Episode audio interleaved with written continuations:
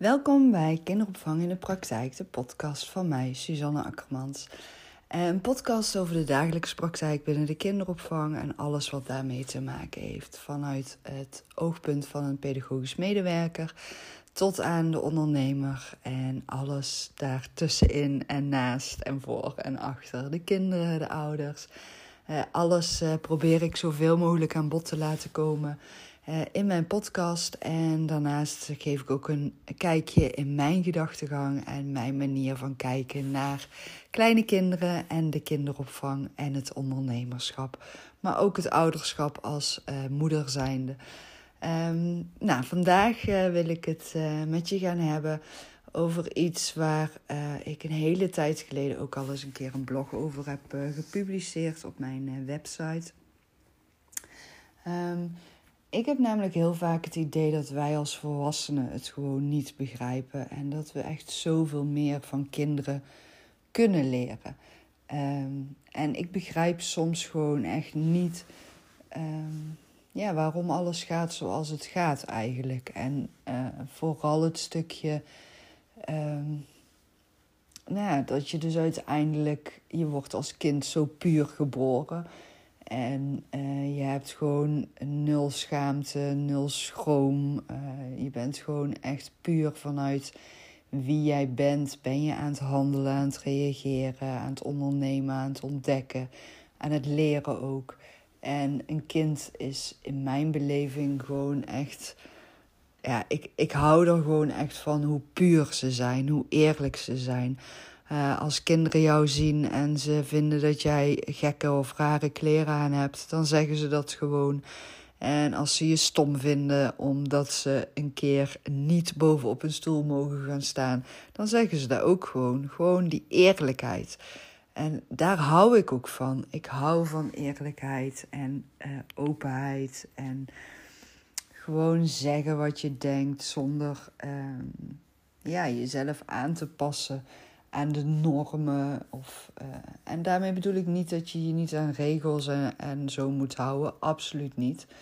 Maar wat ik vooral um, ja, zo opvallend is dat um, een kind ontwikkelt zich vanuit zijn eigen tempo en vanuit zijn eigen behoeftes. En um, Natuurlijk is hij ook wel afhankelijk van uh, dat ze in de goede omstandigheden opgroeien en in goede gezondheid. Want dat is natuurlijk ook allemaal bepalend hoe een kind zich kan ontwikkelen.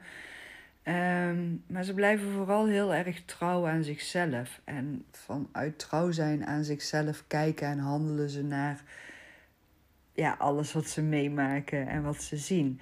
En um, ze gaan ook steeds meer ervaren wat wel gewenst en wat niet gewenst is. Juist doordat uh, wij als volwassenen ook steeds gaan reageren naar kinderen toe. Van, weet je, um, als een kind zegt hij is stom, dan reageren wij als volwassenen heel snel van... Nee, nee, nee, dat is niet netjes, dat mag je niet zeggen. En um, je gaat grenzen stellen en je gaat een kind dus ook leren gehoorzamen en meelopen in de maatschappij en de maatstaven van de maatschappij. En natuurlijk, dat moet ook, hè. Begrijp me niet verkeerd, zeker. Um, als er geen regels zouden zijn, dan zou het natuurlijk helemaal verkeerd gaan. Maar het eerlijk zijn vanuit jezelf, dat vind ik zo vreemd en opvallend dat dat wordt afgeleerd. En ik geloof ook echt dat het onbewust wordt afgeleerd bij kleine kinderen. En dat we daar als volwassenen niet eens bewust van zijn dat we dat aan het doen zijn. Maar als je dan kijkt hoeveel mensen, nou ja, misschien wel tussen de 18 en de 40 of 45 of misschien nog wel ouder aan het zoeken zijn naar wat wil ik nou, wat voor studie wil ik gaan doen, wat voor werk wil ik gaan doen, wie ben ik. Ehm, wat wil ik bereiken in mijn leven? Wat maakt me gelukkig? En als je dan ook kijkt hoeveel uh, coaches er zijn, en natuurlijk, ik ben er zelf ook een, maar er zijn zo enorm veel volwassen mensen aan het zoeken. Eén grote zoektocht is het. En zoveel mensen die ook tegenwoordig een burn-out of weet je, overspannen raken, te veel stress ervaren. En ja, vaak heeft het toch allemaal weer mee te maken dat je niet meer trouw bent aan wie je bent vanuit jezelf. En dat vind ik dan zo opvallend ook, want er wordt dus als kind zijnde ben je heel trouw aan jezelf, ben je heel puur de wereld aan het ontdekken. En gaandeweg ontdek je dus iedere keer dat er een stukje van jezelf aangepast moet worden. Om maar mee te kunnen gaan in de maatstaven die er zijn. En ik heb daar ook geen oplossing voor of zo hoor. Maar het stukje authentiek kunnen zijn en blijven. Gewoon echt trouw zijn aan wie je bent. En ehm, waar jouw hart echt gelukkig van wordt terug naar het kind in jezelf. Ehm, dat, is, dat zijn vaak toch wel de vragen die je gesteld worden als je dus op zoek gaat naar antwoorden. En als je het even niet meer weet. En als je niet weet wat voor opleiding of wat voor werk of je relatie of weet je, je woonruimte. Ehm, eh, je onderneming, hoe je daar uh, verder vorm aan kunt geven of je wil iets nieuws starten. Um, het komt allemaal weer terug bij wie ben jij en wat wil jij en dat zoeken naar dat antwoord. En dat, dat is dan het stukje wat ik gewoon niet begrijp van oké, maar waar gaat het dan ergens halverwege de hele ontwikkelingsreis als persoon mis en hoe zouden we daar veel meer Ehm, ja, veel meer op in kunnen gaan spelen al bij de kleine kinderen. Zodat die kleine kinderen van nu op volwassen leeftijd niet meer die zoektocht, zoektocht hoeven te hebben en niet meer die vragen hoeven te hebben. Of is dat juist een idealisme wat ik dan heb? Uh, hoort het juist bij het leven, die vragen en die zoektocht? Ehm, nou, het zijn gewoon dingen die mij opvallen en die mij bezighouden. En nou, dit is een podcast over kinderopvang in de praktijk. En misschien denk je nu van, hmm, waar gaat het over? Hoezo komt dit in deze podcast naar voren? Nou in de kinderopvang zijn we natuurlijk allemaal werkzaam met kinderen. En wat ik altijd enorm belangrijk vind en heb gevonden is leren kijken door de ogen van een kind. En een kind begrijpen en een kind zien zoals die is. En een kind erkennen ook in het stukje uh, je bent goed zoals je bent. En uh, je hoeft jezelf niet aan te gaan passen, maar je mag leren omgaan met alles wat er in het leven gebeurt. En uh, daar op de juiste manier mee omgaan door een kind vooral heel erg zichzelf te laten zijn ja, dat zou ik echt heel erg mooi vinden. En, en nogmaals, ik heb, ik heb ook hier de oplossing niet voor. Maar uh, ik heb natuurlijk zoveel kinderen ook in mijn eigen kinderdagverblijf mogen opvangen. En ja, heel veel van die kinderen die zijn inmiddels ook tussen de 18 en de 25 inmiddels.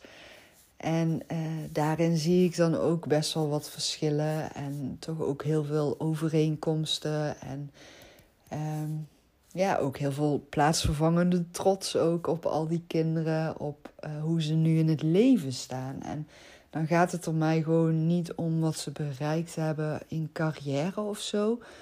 Voor mij is het altijd heel erg belangrijk hoe jij als persoon bent. En dat jij als persoon jezelf uh, fijn en gelukkig kunt voelen en jezelf kan en mag zijn.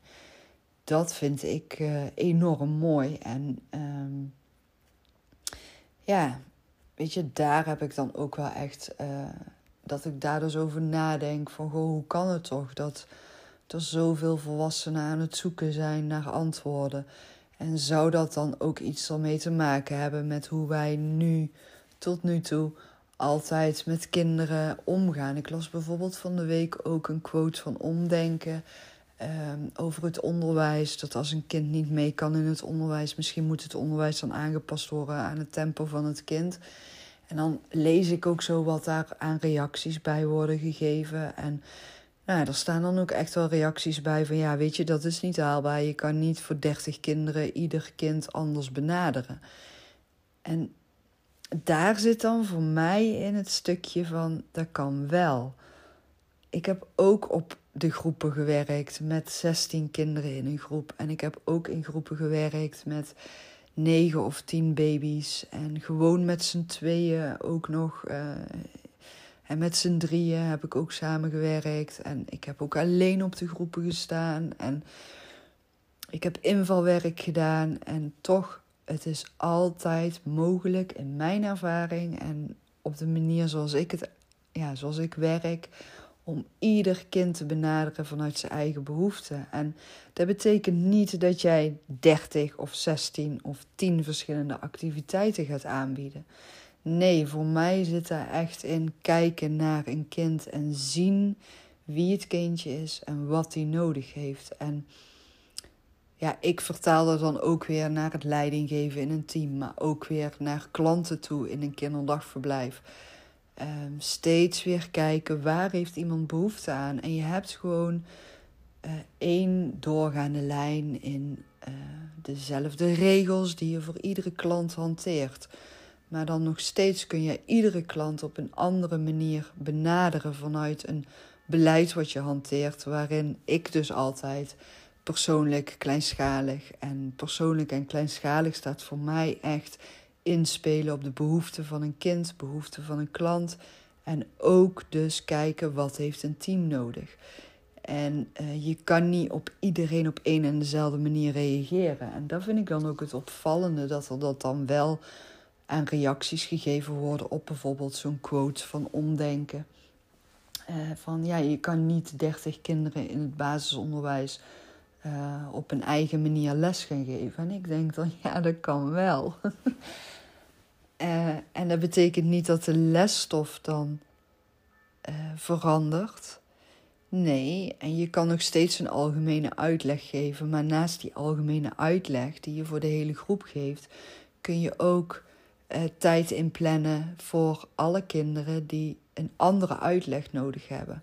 Ik ben zelf ook zo'n kind geweest die een andere uitleg nodig had vroeger op school. En die hebben ze mij ook niet gegeven, zover als ik me kan herinneren. En um, ik ben daar zelf ook naar gaan zoeken, realiseer ik me nu ook. En weet je, dat is ook niet erg, maar ja, ik, ik zie het wel vaker gebeuren bij kinderen. Dat ze, weet je, ze moeten dan mee in bepaalde maatstaven. En ja, welke keuzes worden dan gemaakt? En uh, sociaal-emotioneel of uh, qua intelligentie. Um, en dan denk ik, ja, sociaal-emotioneel vind ik zo enorm belangrijk. Als een kindje zichzelf veilig en vertrouwd voelt. En zich dus ook sociaal-emotioneel veilig voelt in een groep en vertrouwd voelt bij een pedagogisch medewerker. Of, hè, het is zo belangrijke uh, kernwaarde uh, om een kindje vooruit te helpen in de ontwikkeling. En als je dan, uh, want ik switch even terug naar de kinderopvang, omdat dan, daar natuurlijk mijn expertise in ligt. Uh, als je dan bijvoorbeeld een kringactiviteit gaat doen met een groepje peuters.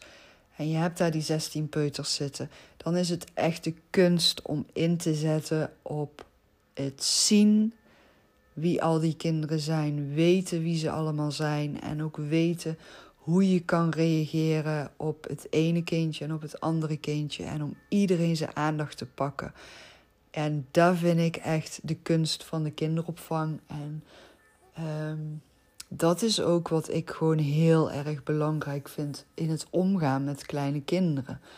Dus echt kijken door de ogen van een kind en zien wat een kindje nodig heeft. En ik geloof echt oprecht dat als een kind op die manier benaderd blijft worden um, tot aan zijn volwassen leeftijd, dat ja, die volwassenen uiteindelijk minder snel in de knoop komen met zichzelf, denk ik.